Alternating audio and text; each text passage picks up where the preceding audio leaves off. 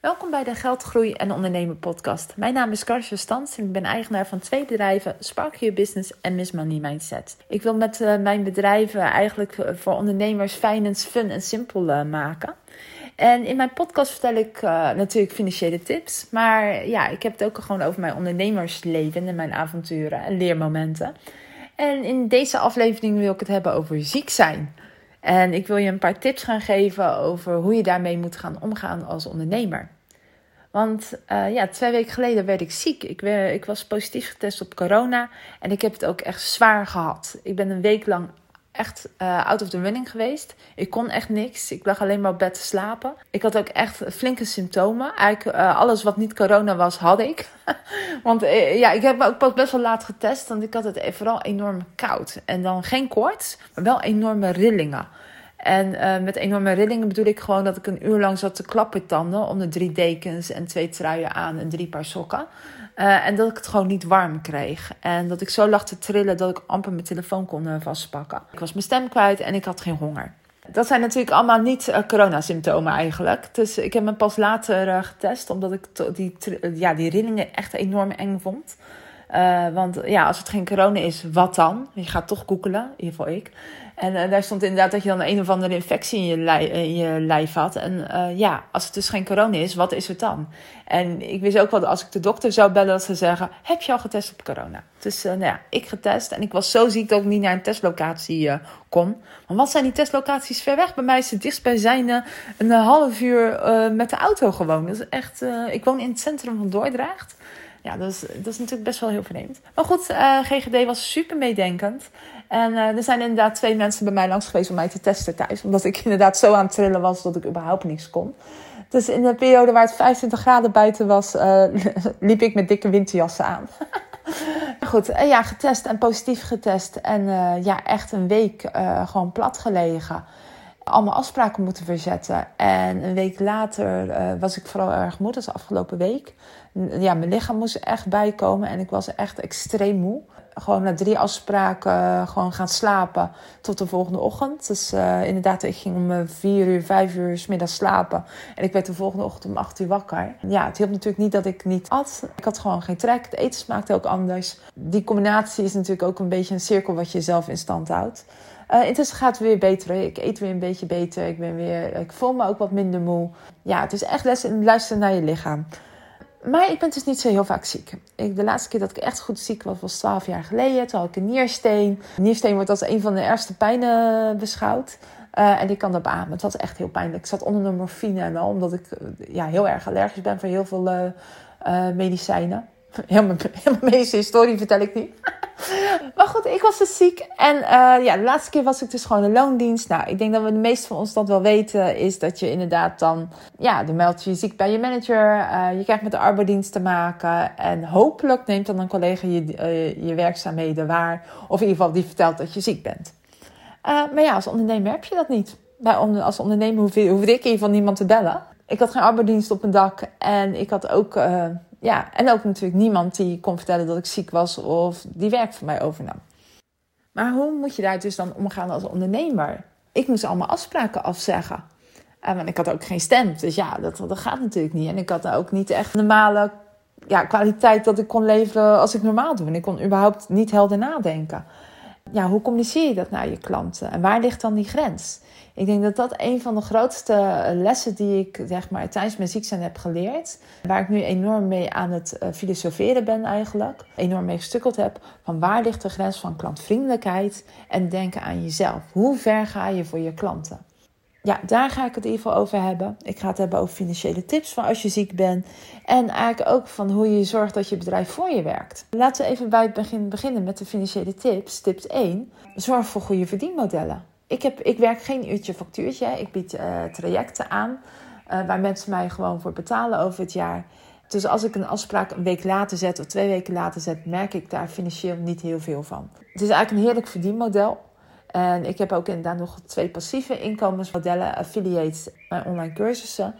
En ik vind het gewoon voor mezelf een prettig idee dat als ik inderdaad ziek ben, dat gewoon mijn inkomen doorgaat. Ik ken ook inderdaad mensen die uurtje factuurtje werken, corona hebben gehad, drie weken uit zijn geweest. En het is gewoon drie weken geen inkomen. dat wil je natuurlijk niet. Dat wil je ten alle tijden voorkomen. Dus als je inderdaad maar één verdienmodel hebt, wat echt op jou hangt, van jouw inzet, uh, ja, zorg ervoor dat je één of twee andere verdienmodellen erbij denkt. Zorg ervoor dat je bedrijf gewoon doorgaat, ook als jij uh, ziek bent. Dat je gewoon je inkomensstroom blijft, ja, blijft doorstromen. Een tweede is natuurlijk, ook als je uurtje factuurtje werkt, is dat je zorgt dat je een buffer hebt. Ik kan niet vaak genoeg benadrukken hoe belangrijk een buffer is. En met een buffer bedoel ik eigenlijk gewoon dat je een potje maakt op je spaarrekening.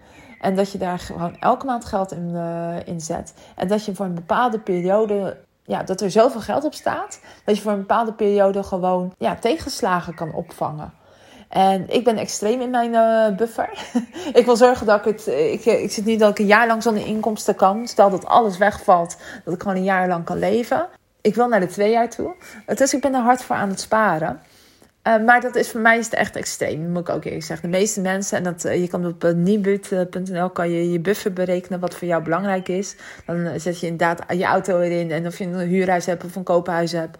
Al die dingen zet je dan in en dan berekent Nibud wat jouw buffer is.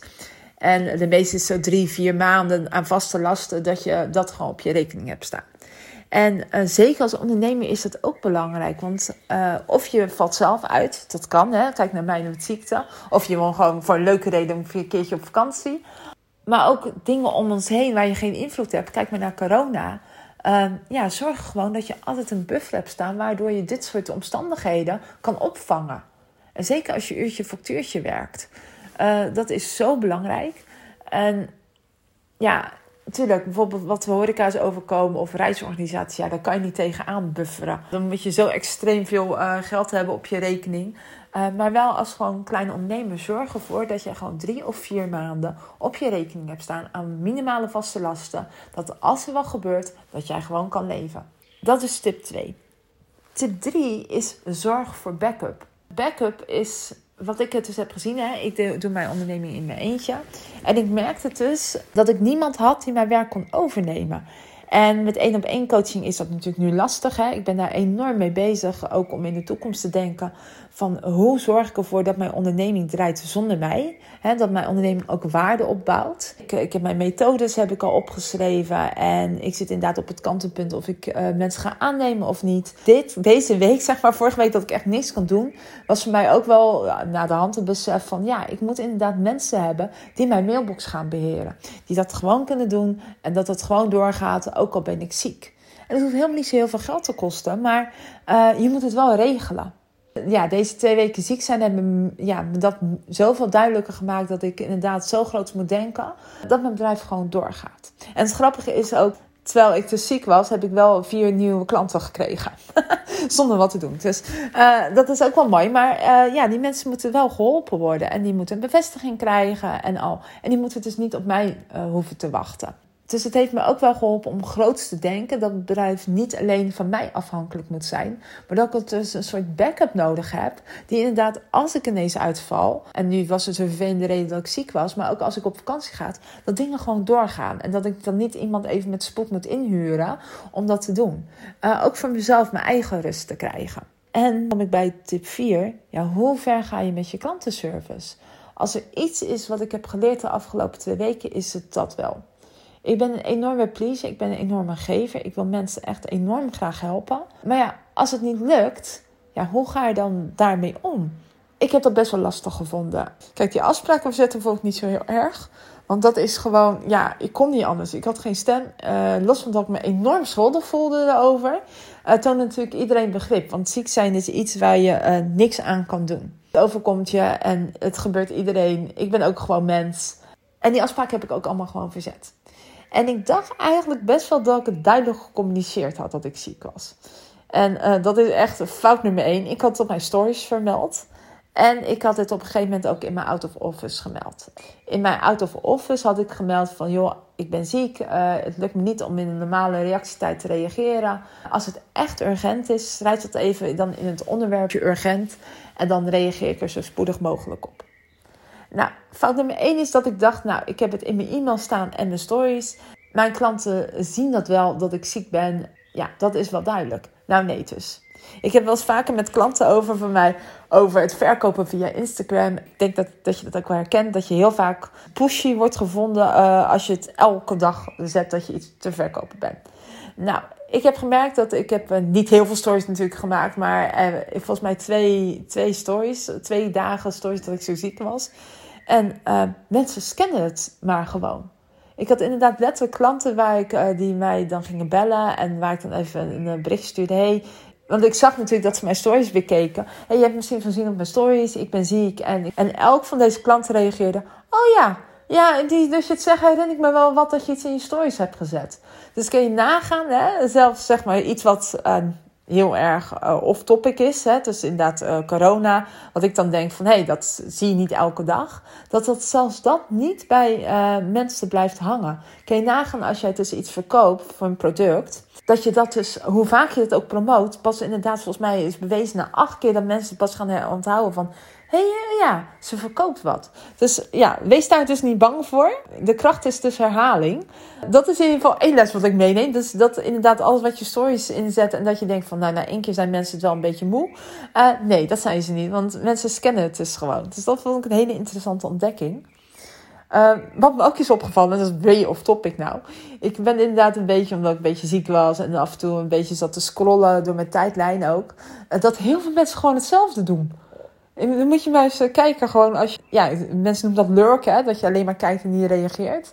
Weet je hoeveel mensen gewoon precies exact elkaar kopiëren? Gewoon iedere keer, uh, of een aftelmoment, of dat je sommige mensen echt elke dag ze iets ziet posten.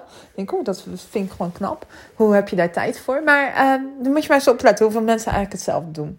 Heel erg uh, vermoeiend eigenlijk. En ik moet eerlijk zeggen, ik vond het ook wel lekker om gewoon een week niet mijn verhaal te delen op Insta. En ik merk dat ik dat, uh, waar ik vroeger bijna elke dag wel iets deelde over mij, uh, dat ik dat er iets minder heb laten worden. Niet meer elke dag. Ik vind het eigenlijk wel eigenlijk heerlijk zo'n niet Insta leven. Dus dat zijn inderdaad ook allemaal lessen die ik heb geleerd over dat Instagram. Even kort samengevat, mensen hebben het echt niet door als je twee keer vernoemt wat je dan eigenlijk doet. Uh, maar goed, de klantenservice. Dan gaan we weer terug naar topic. Ik had dus ook in mijn mail staan, out of office, uh, dat ik ziek was. En dat inderdaad alleen met het, als mensen echt urgente dingen hadden, zet dan even in topic en dan reageer ik daarop. Had ik als uh, ja, automatische reply gedaan. Het woord urgent heb ik gemerkt een beetje dubieus. Want, en dat is denk ik mijn grootste les in communiceren. Urgent is gewoon niet het juiste woord. Want als een klant reageert of een e-mail stuurt, is het vooral, vooral voor hun al vaak al urgent. Ik kreeg mailtjes bijvoorbeeld met de topic urgent erin, waar ik dacht van, nou, ik weet niet of dat urgent is. Als ik morgen, als ik maandag antwoord, is dat ook helemaal prima. Ik heb natuurlijk ook netjes gemaild. Maar na één dag had ik dus al bij het woord urgent had ik al uh, ernaast geschreven. Uh, urgent betekent dat als ik niet reageer, dat je bedrijf failliet gaat. Met een knipoog, want dat gebeurt natuurlijk niet. Ik bedoel, zoveel macht heb ik niet. Want ja, weet je, urgentie is dus niet een goed woord daarvoor. En ik besef ook dat ik daar zelf duidelijke grenzen in moet stellen. Ja, dat voor heel veel klanten, als ze mailen, dat het eigenlijk een urgent iets is. En daar ben ik wel over na gaan denken, inderdaad, van hoe ver moet je gaan in je klantvriendelijkheid. En het heeft me ook heel veel geleerd. Want zolang jij blijft antwoorden, zolang jij ja blijft zeggen, zolang je geen grenzen stelt, gaan mensen gewoon door. En dat is ook super logisch. We zitten ook in de normale. Uh, ja, dat, zo is de mens volgens mij gewoon. Als jij namelijk, uh, stel je voor dat je naar de supermarkt eh, gaat en niemand zegt iets als jij iets gratis meeneemt. Waarom zou je dat dan, ja, Weet je, dan, dan gaat het automatisch. Ik bedoel, niemand zegt er wat van. En dat gaat natuurlijk ook voor jezelf uh, om grenzen te stellen. Zolang jij maar blijft geven, geven en blijft mensen nemen, nemen. Uh, tot je een keer stop zegt.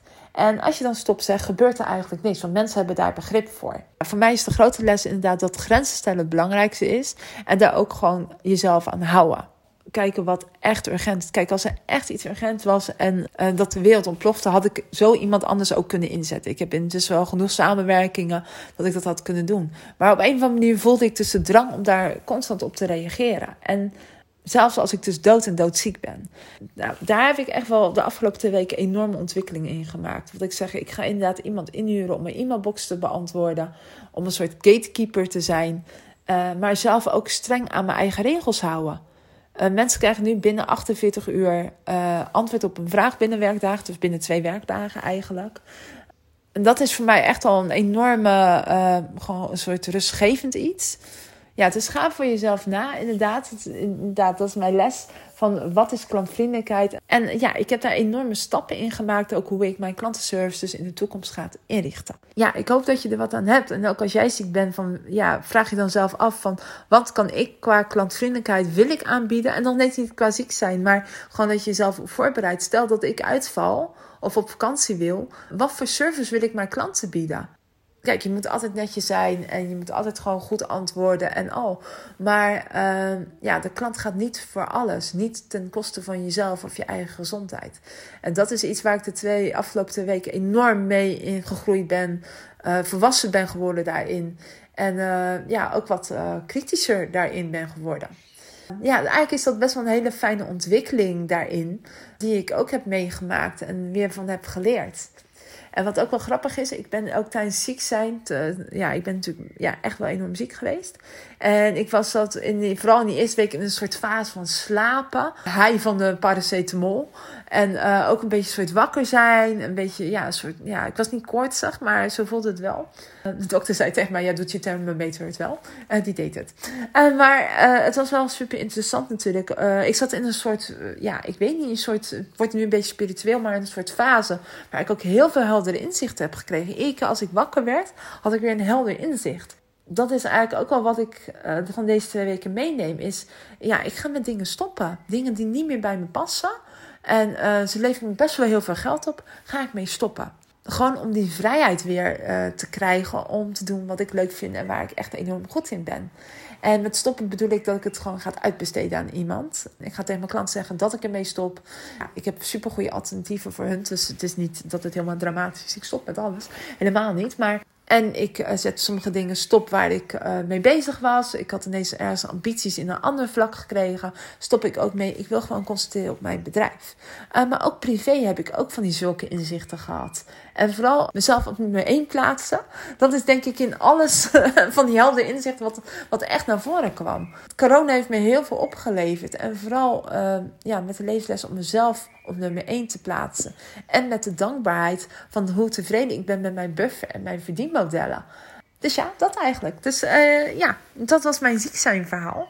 Uh, ja, ik hoop dat je wat hebt gehad aan deze podcast. Uh, en wil je nu sparren met je over je verdienmodellen, over je buffers. En dat je gewoon een financieel gezond bedrijf hebt. Wat dus ook doordraait als jij ehm, ziek bent. wil je praten over waarde toevoegen in je bedrijf of over groei. je kijkt dan op mijn site www.sparkyourbusiness.com en dan kan ik je helpen. Ja, dit was het voor vandaag. Fijne dag!